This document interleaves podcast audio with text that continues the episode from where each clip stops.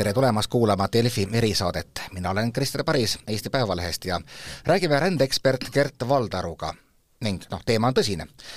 kõik, mis ju seostub rändega, kannab ennast automaatselt selliste suurte poliitiliste pingete riski, nagu me ka nägime aastal kaks tuhat viisteist ja hiljem. ning sel aastal pidi võtma vastu noh, ma arvan, et vist sõna otseses mõttes seninägematul hulgal põgenikke vastu ka Eesti, kellest küll osa rändas edasi, aga ikkagi väga märkimisväärne hulk oli jäänud ka siia ja venelaste praegune terror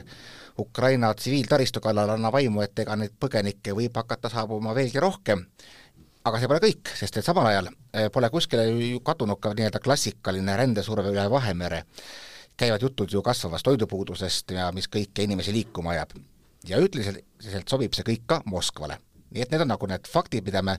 millega me alustame, aga Gert, kõigepealt alustame ikkagi päris faktidest, et peateema on Ukraina ja enne saadet sa jagasid mulle kaarte ja, ja mida ma näen, et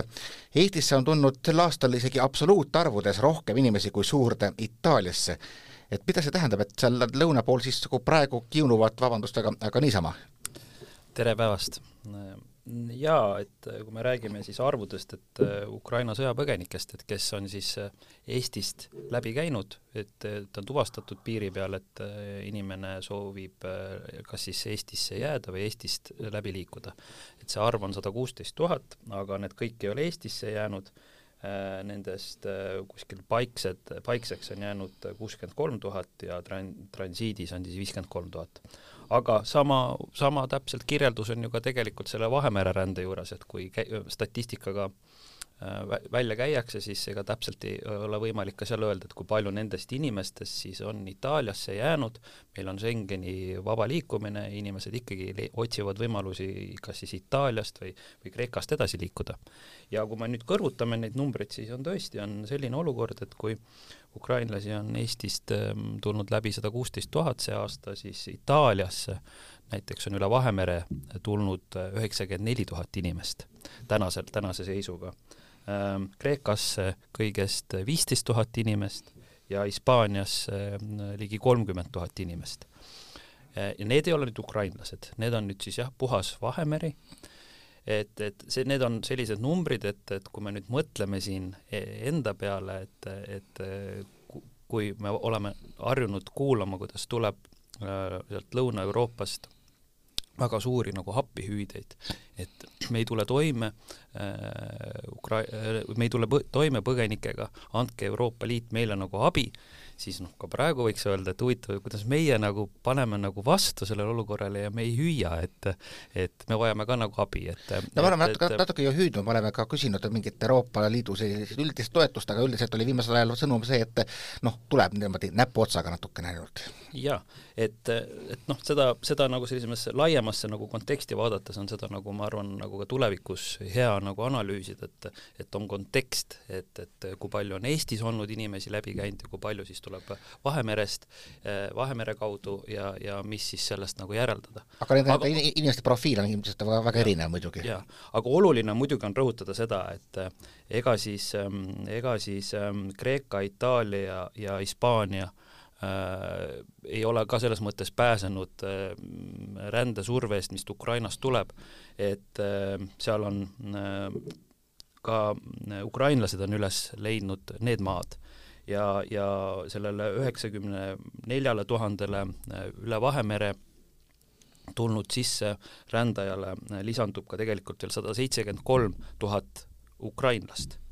äh, põgenikuna. Hispaanias kahekümne üheksale tuhandele ligi sada viiskümmend neli tuhat ähm, ukrainlast ja Kreekas on siis kõige vähem, et sellele Vahemerelt neljateist tuhandele lisandub üheksateist tuhat ähm, ukrainlast. aga mis on huvitav siin, kui me vaatame täna toimuvat äh, äh debatti Itaalias ja on väga ärevad ajad jälle rände aspektist, ka Kreeka Kre,, Kreeka osas, et et nõutakse uut äh, uut sellist Euroopa algatust, et, et tegeleda siis just nende Vahemere migrantidega, siis need Vahemere migrantide sisserännanute numbrid on tunduvalt väiksemad, aga nende ümber käib just see suur arutelu, et me vajame täiendavalt tuge ja, ja abi, aga mitte ukrainlaste aga kas see ongi äkki seletatav sellega, et nende profiil on niivõrd teistsugune? Jaa, ma usun, et see on kindlasti üks põhjus, et kui me nüüd profiile vaatame, kes kes tulevad üle vahe, üle Vahemere ja siis, kui me vaatame nüüd, mul ei ole küll ukrainlaste profiile, kes on täpselt Itaalias või Hispaanias ja Kreekas, kuid ma arvan, et see on üldistatav selle peale, nagu ta on meil siin sest seal on omad loogikad, aga me kohe räägime täpsemalt sellest. et aga kui me vaatame siis äh, sellest Põhja-Aafrikast tulevat rännet äh, Euroopasse äh,, siis võtame just Itaalia konteksti, siis seitsekümmend viis protsenti on sisse rännanutest mehed, naisi on kuus protsenti ja lapsi üheksateist.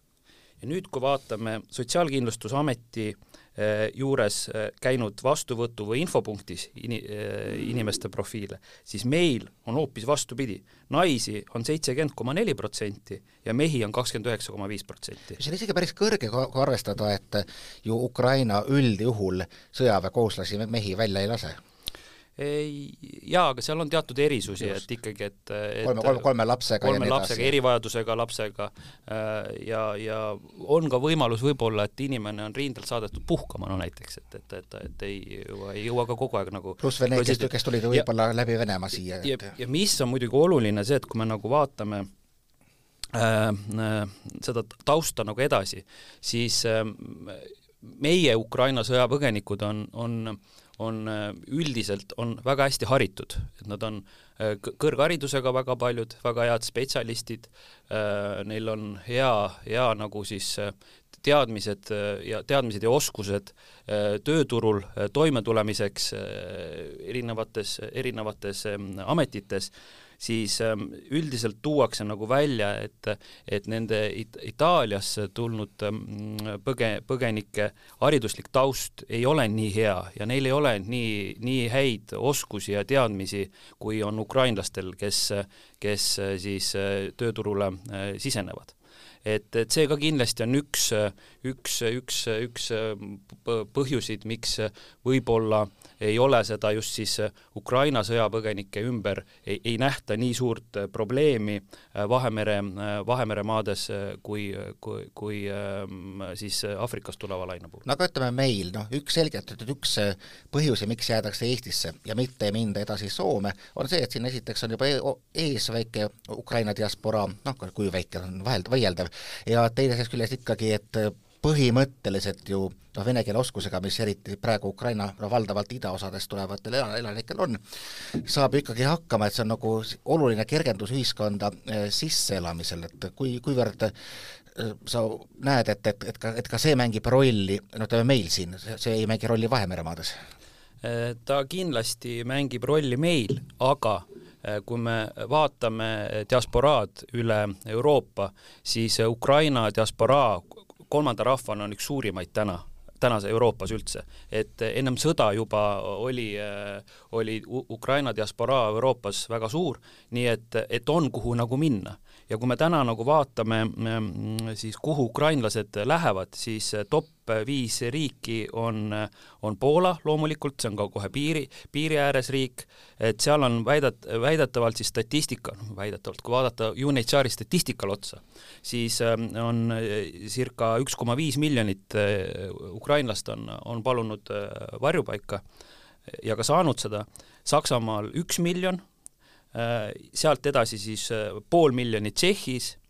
äh, ja siis ähm, Itaalias, nagu ma juba varasemalt ütlesin, circa sada seitsekümmend tuhat, Hispaanias sada viiskümmend, Slovakkia sada tuhat. et need on nagu need sellised, need sellised noh, numbriliselt. aga Eesti, kus on, meil praegu on öeldud, et paikseks on jäänud kuuskümmend kolm tuhat, siis ütle, kui me vaatame suhestuna rahvaarvu sellesse, siis me tõesti oleme seal top, top kolmes, kui mitte number üks juba jah, see teeb ikkagi märkimisväärse hulga kui rahvastikust on praegu kuskil neli protsenti on ukrainlasi, et see on aga mida me üldse nendest teamegi siin on, jah, sa tõid välja, et rohkem nagu haritud ja puha, aga me noh, kõik, kõik need arvud, mida me räägime, need on ju sellised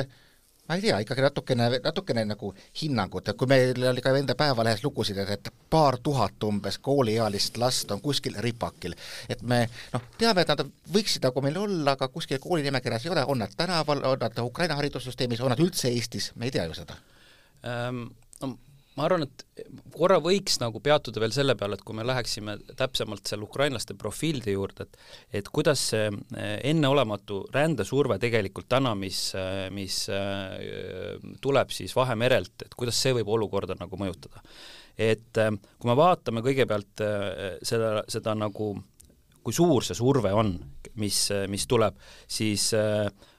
me elame praegu kakskümmend, kakskümmend, kakskümmend, kakskümmend kaks ajal, kus äh, e, viie aasta jooksul ei ole nii suuri numbreid olnud, et äh, kui me läheme tagasi aastasse kaks tuhat kaheksateist, et et kaks tuhat kaheksateist võib võtta selliseks nullpunktiks, kus äh, kaks tuhat viisteist, kui hakkas, hakkas, läks, oli see kõige suurem, kui üle miljoni tuli inimesi, siis see vaikselt hakkas see peatuma ja tagasi minema, et kaks tuhat kaheksateist oli niisugune, kus läks nagu stabiilseks. siis sellest hetkest alates on kogu aeg äh, vaikselt ränne kasvanud. kuigi vahepeal oli ju Covidi kriis, kus täiesti oli maas kõik. jaa, jaa, aga ka siis, aga ka siis tuli. ja kui me nagu vaatame siis seda peamist äh,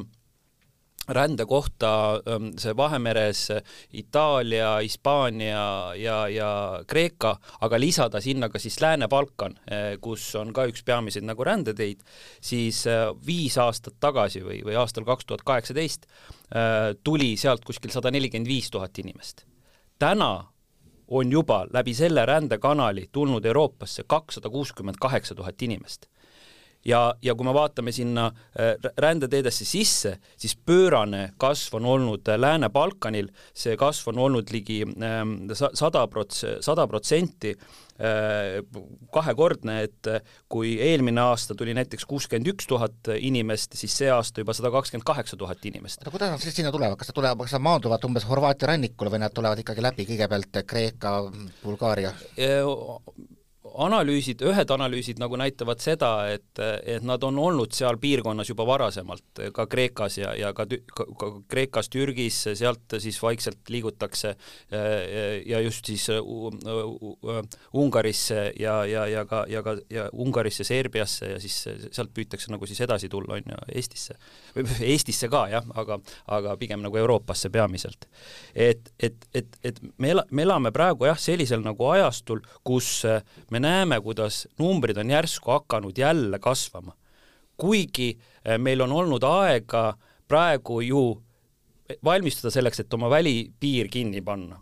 ja, ja mida saame praegu nagu järeldada siis praegu, et meil ei ole õnnestunud, eh, hoolimata sellest, et ka neli-viis aastat tagasi deklareeriti väga uhkelt, kuidas me hakkame selle välis, välipiiri, välipiiri teemaga tegelema, et, et, et, et kuidas me selle nagu sulgeme ja kinni paneme. et me praegu nagu justkui on selles mõttes, et see ei ole nagu õn-, õnnestunud. aga oluline on see, et kui see rändesurve nagu nüüd nagu jätkub, siis eh, ühiskonnas tekib ikkagi äh, täiendavad pinged ja, ja, ja lõhestumine ka, polariseerimine jälle, mida me nägime kaks tuhat kuusteist, kaks tuhat seitseteist põgenike suhtes. arvata, et sealt midagi sellist negatiivset ei äh, lähe ukrainlaste peale ma arvan, et see oleks natuke liiga naiivne, et kindlasti see võib mõjutada ka suhtumist Ukraina sõjapõgenikke, kui me elame, elame jälle sellises keerulises surve, surveolukorras. ma just mõtlesin, missugune nende otsuste mõju saab olema, et noh, kui kaks tuhat viisteist oli, siis me nägime, kuidas äh, seni suhteliselt kenasti toiminud Schengeni ruum järsku killustus ja nägime kinni lendavaid piire ja ka ja ka Ukraina pärast ju vähemalt kuus riiki on praegu rakendanud selliseid ajutisi piirikontrolle, et ja noh, ka meie välisminister Urmas Reinsalu mängib selle mõttega. et mis siis nagu nüüd on need äh, tõenäolised reaktsioonid, et uuesti midagi, midagi, midagi sarnast? no vot, tegelikult meil nüüd ongi olnud viis aastat aega Euroopa Liidus mõtiskleda selle üle, et kas Schengen sellisel kujul või rände Schengen koos Dubliniga näiteks, kas ta nagu töötab, Dublin on siis see äh, äh, kõigepealt konventsioon, mis muutus siis ka määruseks, kus öeldi, et põgenik sellisele ri-, sellesse turvalisse riiki, kus põgenik esimesena jala nagu maha paneb, sellega peab see riik tegelema. nii põhimõtteliselt kõik, kõik ukrainlased jõuavad Poola ja jäägu sinna? no põhimõtteliselt jah, et, et, et, et noh, et see on see nagu riik, et noh, et täna võikski nagu küsida siis seda, et kas see Dublini konventsioon sellisel kujul ikkagi piiririikide osas näiteks ikkagi nagu töötab. et ma nagu vaatan, et Saksamaal on tegelikult hea turvaline, et ta ei ole üldse nagu piiririik, et ta saab lugeda, lubada endale selliseid hüüdeid, et kõik tulge Euroopasse, sest tegelikult esimesena nad astuvad ju kas siis Itaalia, Kreeka, Kreeka pinnal ja miks mitte ka võib-olla Eesti pinnal, on ju. et, et see, see on nagu küsimus. ja nüüd, kui me ei ole välipiiri saanud pidama, selle ligi, noh, Schengenit on meil siin, mis ta on, üle kahekümne viie aasta olnud juba, et, et me ei ole nagu selle aja jooksul suutnud oma välipiiri pidama saada, siis siis ongi nagu kuskil nagu on, nagu tekib nagu selline probleem, et inimesed tulevad üle, üle piiri ja nad võivad Euroopas vabalt ringi, ringi liikuda, sest meil sisepiiril kontrolli ei ole. oleks olnud ju loogiline tegelikult see olukord, kus välipiiris ikkagi me suudame kontrolli saavutada, kes siia, kes siia riiki tuleb täpsemalt Euroopasse ja siis me võime nagu vaadata seda, et okei okay,, liigu siin Euroopas vabalt ringi. aga meil on miljoneid ja miljoneid inimesi tulnud siit siis äh, üle välipiiri ja neil ongi hea liikuda siin äh, Euroopas ringi ilma, ilma piirikontrollideta. nii et iseenesest äh, ma, nende riigid, kes on nagu otsustanud taastada piirikontrolli ja teha ka oma inimestele liikumise veidi ebamugavamaks, et seal on teatud omad põhjused ja, ja, ja, ja ma arvan, et see võib olla isegi nagu põhjendatud aga missuguseid samme üldse on astutud, me kõik ju teame neid dilemmasid, et noh, sa ei saa ju lükata põgenike paate umbes tagasi või noh, noh, praktikas saab, teoorias ei ole see väga, väga kena. ja üldse, et noh, kui see esimene kriis oli, siis kõik tõid näiteid, kui pikk on see merepiir, et no mida me teeme üldse põhimõtteliselt et siin nüüd rände kontekstis nagu tuleks võib-olla korra peaks nagu äkki isegi nagu Max, Max Weberi juurde tagasi tulema et äh, Max Weber on rääkinud sellest, et on olemas selline asi nagu veendumuse eeti-, e-, veendumuse eetiline käitumine. ehk siis eh, ma aitan, see on niisugune moraal aidata, et me tahame nagu aidata, aga on olemas ka vastutuseetiline äh, äh, vastutuseetiline käitumine, mis küsib enda käest, et, et mis, mis edasi saab, kui ma aitan, kas, kas ma seda, kas see inimesele tuleb ka lõpp, lõpp, lõplikult heaks või kasuks see, et teda nagu praegusel ajahetkel nagu aidatakse. kas ka sellele riigile, kus ta nagu põgeneb, tuleb see kasuks, kui sealt võetakse ära näiteks töökäed ja, ja, ja või ka väga sellised targad inimesed, kes, kes sinna nagu ei, ei, ei panustaks. et täna me olemegi nagu siis ka selle nagu koha, koha peale nagu jõudnud, kus ka siin me peaksime tegelikult võib-olla rohkem nagu tasakaalu otsima. jaa, moraalne on aidata, aga kui sa ise selle all kokku kukud, siis sa tegelikult ei aita ju mitte kedagi. sa ei aita iseennast ja sa ei suuda aidata ka seda teist inimest. kui me praegu räägime, kas me räägime praegu Ukrainast või, või räägime sellest lõunapoolsest survest? ma pigem räägin täna, täna veel, me räägime lõunapoolsest survest aga kui vaadata seda, mis, me ei tea, mis hakkab nagu, kui me nüüd räägime, tuleme korra Eestisse tagasi me ei tea, mis täpselt hakkab juhtuma, siin on nii palju nagu muutuvaid äh,, muutuvaid faktoreid, et meil võib olla igasuguseid andmeid. aga täpselt ikkagi, kui külm tuleb talv, kui, kui, kui kõvasti mõjub see, et taristut äh, sõjakurjategija Putin on lasknud äh, valimatult,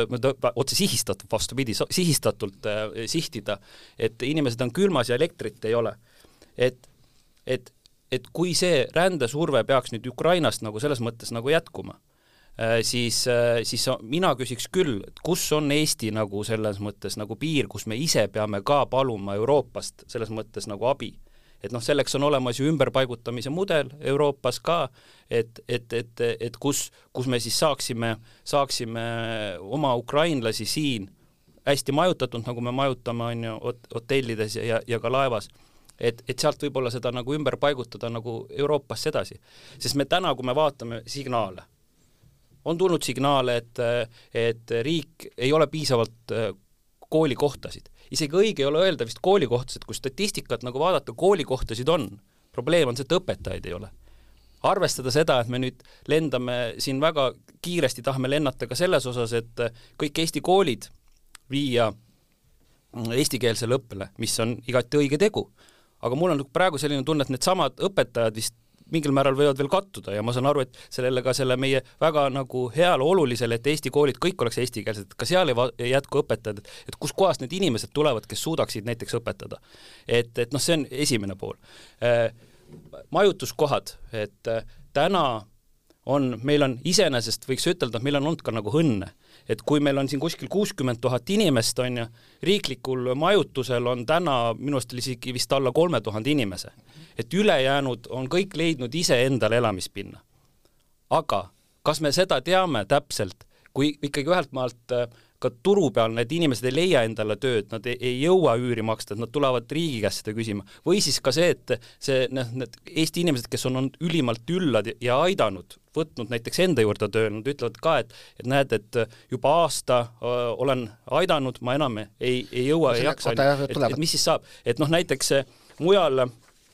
mujal riikides on ja noh, ja ka talve olukord just on ju, et kuidas nagu siis nüüd talvel nagu väga nagu seda äh,, seda olukorda üle, üle, üle elada. et äh, ma tahtsin nagu öelda seda, et näiteks mujal riikides, ma just lugesin ühte huvitavat uurin-, uuringut, kus äh, kus Belgias, Tšehhis, Slovakkias, Sloveenias, Šveitsis, Horvaatias ja Luksemburgis on, on pandud püsti moodulmaju,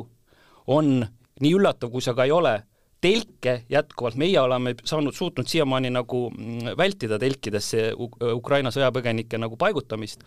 ja, ja ka konteinerid elamisteks, on ju. et seal on nüüd tegeletud praegu väga aktiivselt ka nende telkide konteinerite soojustamisega ja, ja, ja ka sellise noh, kütte poolega, et kui talv tuleb, et, et ei ole nagu kõiki neid võimalikke võib-olla hotellidesse nagu paigutada, et, et nad, et nad saaksid seal nagu rahulikult olla ja nagu hakkama et küsimus on ka meile, et kui nüüd talv tuleb ja, ja ka rändesurve jätkuvalt jätkub, et Siseministeerium ise on ju prognoosinud, et et järgmise aasta lõpuks on meil circa seitsekümmend viis tuhat sõjapõgenikku. aga võib-olla need uued, kes tulevad, need ei leia enam siit pinnalt ja nad kõik küsivad meie käest. ja võib-olla siin on jälle nagu see küsimus, et, et me peame nagu tõdema, et meil ei ole piisavalt äh, võimekust äh, enam pakkuda majust, majutuspindasid ja me peame nagu otsima siis äh, ümberpaigutamiseks võimalusi vist jah, juba neid jutte, kuidas inimesed hakkavad väsima, neid noh, ikka tuleb, kuuleb siit ja sealt, et umbes on olnud Narvas kahetoalises korteris võetud sisse teine perekond, arusaadavalt seal tekivad juba, juba pinged inimeste vahel ja, ja, ja erinevad siis dilemmad, aga jällegi, kui ma enne küsisin, et mida me nendest üldse teame, isegi seda nende, nende arvu, minu meelest ju riigil on tohutu hulk andmebaase, et noh, jah, et nad ei käi, noh, nad ei pea ennast praegu kuskil registreerima ja, ja võib-olla oleks ka natukene mission impossible neid panna seda tegema, aga põhimõtteliselt me just vist ilmselt saaksime teada nendest märksa rohkem, et ka enda poliitikaid planeerida jaa, et äh, ma käisin just see nädal ühel suurepärasel ähm, andmeseirekeskuse ähm, konverentsil esine, esinemas, mis puudutaski, et kuidas panna andmeid äh, siis teenima ja ma rääkisin seal siis just Ukraina sõjakõne, sõjapõge, sõjapõgenike kontekstis seda, et mida me teame ja mida me võiksime veel teada. ja selle ettekande valmistamise raames ma käisin läbi, äh,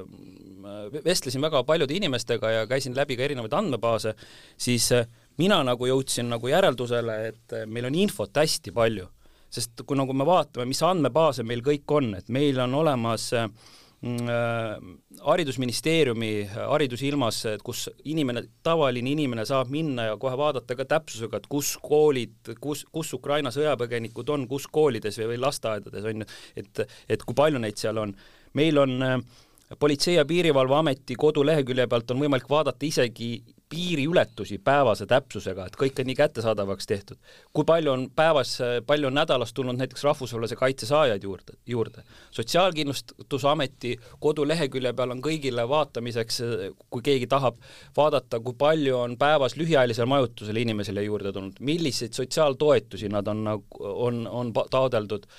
mille, mille, mille osas nad isegi pöörduvad riigi poole mõne selle infotelefoni osas, et, et mida küsitakse, on ju. meil on äh,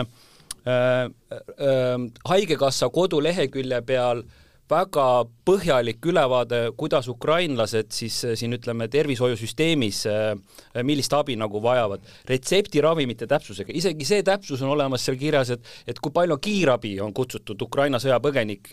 põgenikud, on ju. ja, ja Statistikaameti kodukal on veel see kogu tööturu profiilid olemas, kes kus töötab, Töötukassa kodu, kodulehekülje peal on siis see, see profiil, kes on nagu töötud ja see ei ole veel kõik.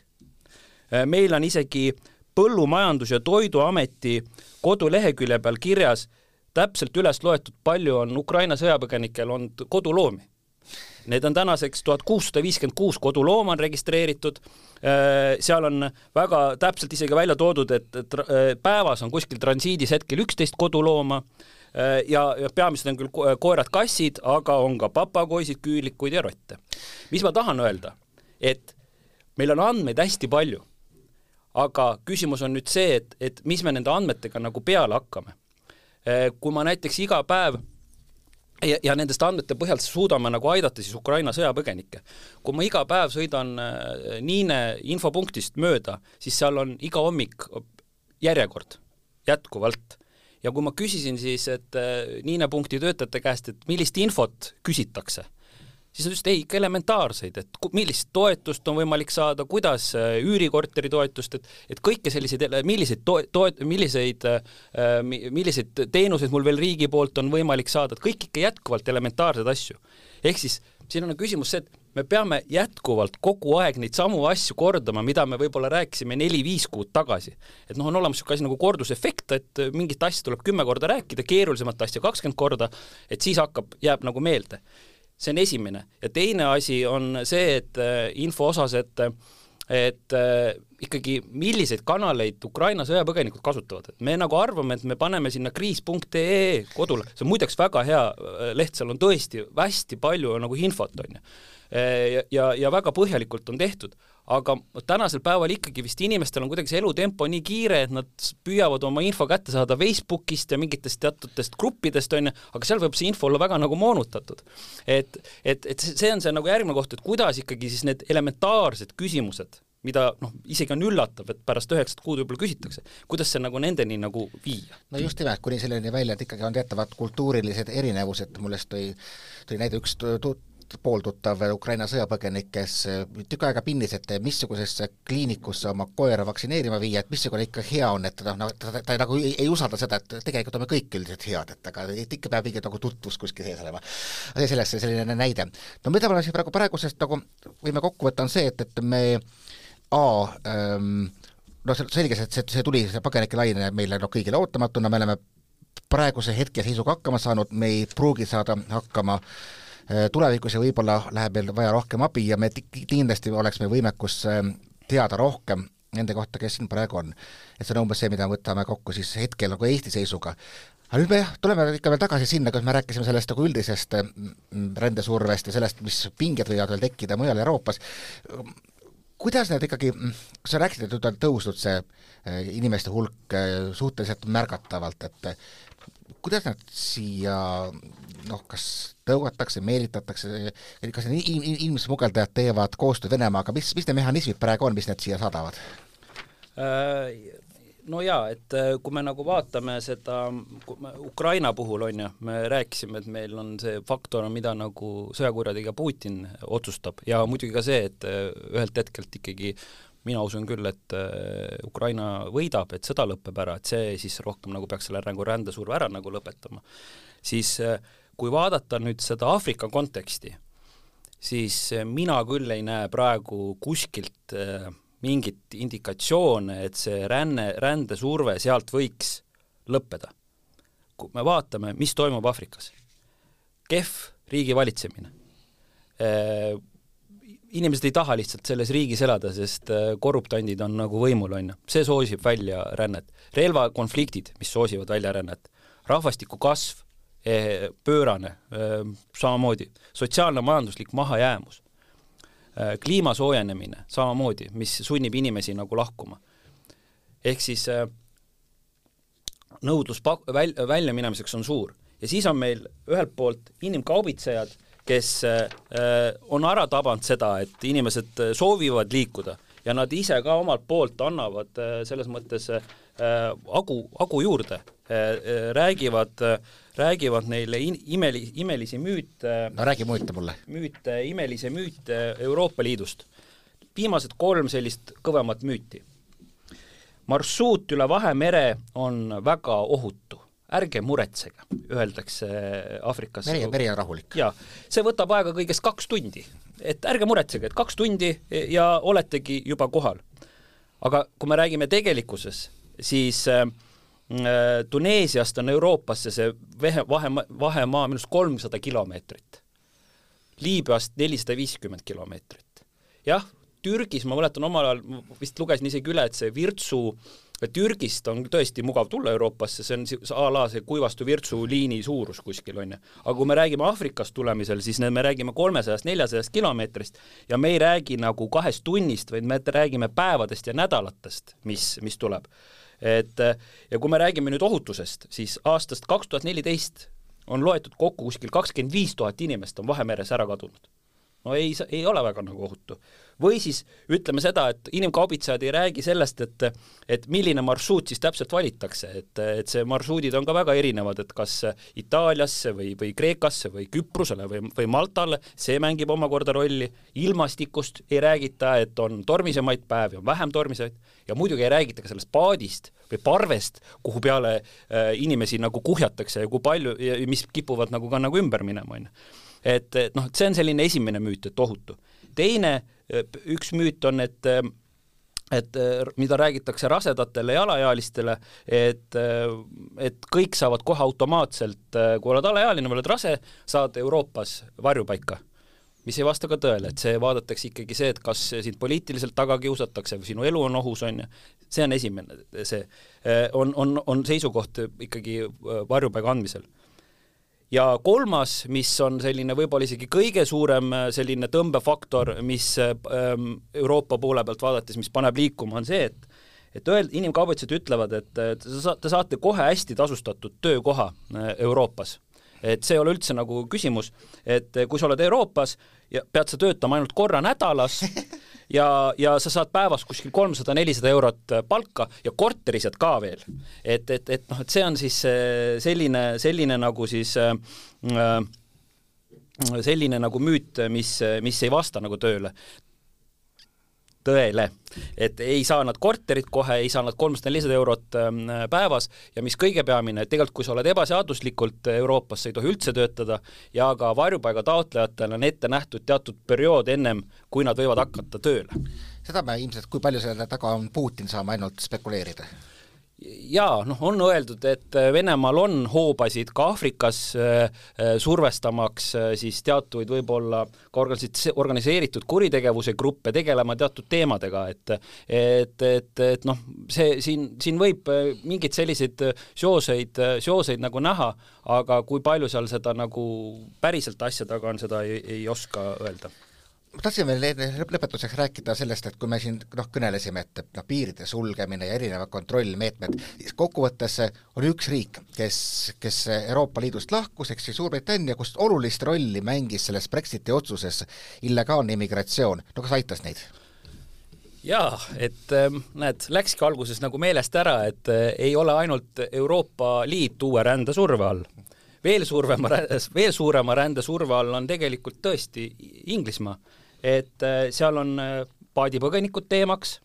äh, paadipõgenikud siis tulevad läbi üle La Manche'i väina Prantsusmaalt, Prantsusmaalt Inglismaale. Inglismaa on siin vahepeal juba läinud nii riidu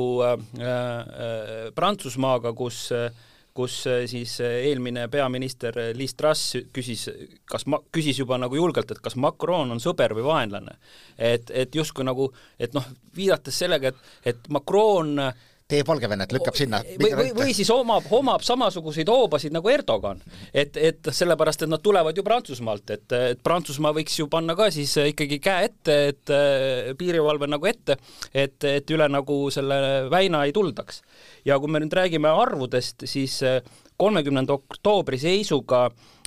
oli Inglismaale jõudnud ligi nelikümmend tuhat paadipõgenikku Äh, aga takistatud juba oli, oli oma kolmkümmend tuhat ja, ja, ja tuhat paati hävitatud, on ju. et see nagu näitab, et surve tegelikult Inglismaale on, on, on üsna suur. on, on, on see kasvanud? jaa, see on,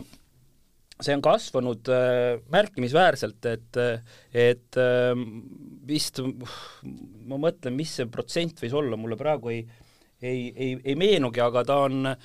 ikkagi kordades, kordades on viimaste nagu, võrreldes nagu viimase aastaga äh,, viimase aastaga äh, kasvanud. jaa, näed, leidsin isegi oma mälus hoopis üles. viiskümmend protsenti rohkem kui eelmine aasta on see, see paadipõgenike, paadipõgenike nagu arv. ja seal on, seal on, mis on nagu huvitav, et et alguses see on nüüd kestnud siin ikka mingi neli-viis aastat, aga nüüd on nagu ta läinud nagu eriti nagu suureks. et üks oli see, et kõigepealt nad tulid läbi rekkadega, rekas, rekastega, noh, nende rekkaautodega, et aga seal suudeti siis maismaapiir kinni panna ja siis hakkasid paadipõgenikud tulema. et et peamiselt, kes sealt praegu tulevad, on albaanlased, afganistanlased ja iraanlased Äh, nendest varjupaika saab äh, circa äh, seitsekümmend kuus protsenti kokku, et isegi ennast päris suur protsent Al. albaanlaste puhul on see väiksem, et see albaanlased viivad seda protsenti alla, see on kuskil viiskümmend kolm protsenti, aga väga märkimisväärne osa, osa inimestest saab. ja mis on nagu veel huvitav, et ma ütlesin, et aastaid on sellega tegelenud, nad püüdsid kopeerida mingi aeg Austraalia sellist mudelit. Austraalias oli nimelt, oli see, et kui keegi tuli paadiga, ükskõik, kas sul oli ka põhjendatud äh, põge-, selle pagulasstaatuse saamine, sa ei saanud ja sind saadeti vist Nauru saarele näiteks, on ju. nii, äh, Inglismaa tahtis seda kop-, kopeerida ja needsamad paadipõgenikud, kes sealt tulevad, tahtsid Rwandasse saata.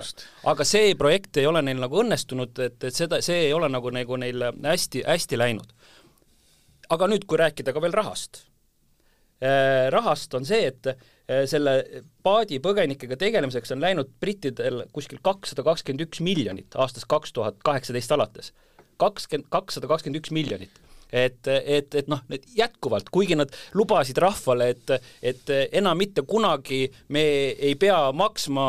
Euroopast tulevate migrantide eest meie siin oma, oma poolt, siis noh, nüüd nad ikkagi maksavad äh, siis ennekõike nagu Prantsusmaale siin võib-olla piiri valvamise eest ja, ja, ja sellega äh, tegelemise eest jah, ehk siis öeldakse money not well spent. ja küll, aga võtame siis saate kokku, ütleme niimoodi, et me näeme praegu, et olukord on märksa hullem äh, rändesurve koha pealt, kui ta oli veel mõni aasta tagasi, noh, eks oli ka täpselt needsamad Covidi aastad, aga et see võib olla alles õiekesed, nagu on praegu populaarne öelda. jaa, ma ütleks ka, et me siin tegelesime natuke võib-olla ka selle ennusta-, tuleviku vaatamise ja selle ennustamisega, aga ennustamine ennustamiseks, ma tahaks tsiteerida lõpuks Periklest, kes ütles seda, et meie ülesanne on mitte tulevikku ennustada, vaid selleks valmis olla. nii et ma arvan ka, et, et me peaksime pigem valmistuma, mõtlema kõige halvemaks, aga olema siis rõõmsad, kui nii halvasti ei lähe. aitäh rändeekspert Gert Valdarule, mina olen Krister Paris Eesti Päevalehest ja jälle kuulmiseni uutes erisaadetes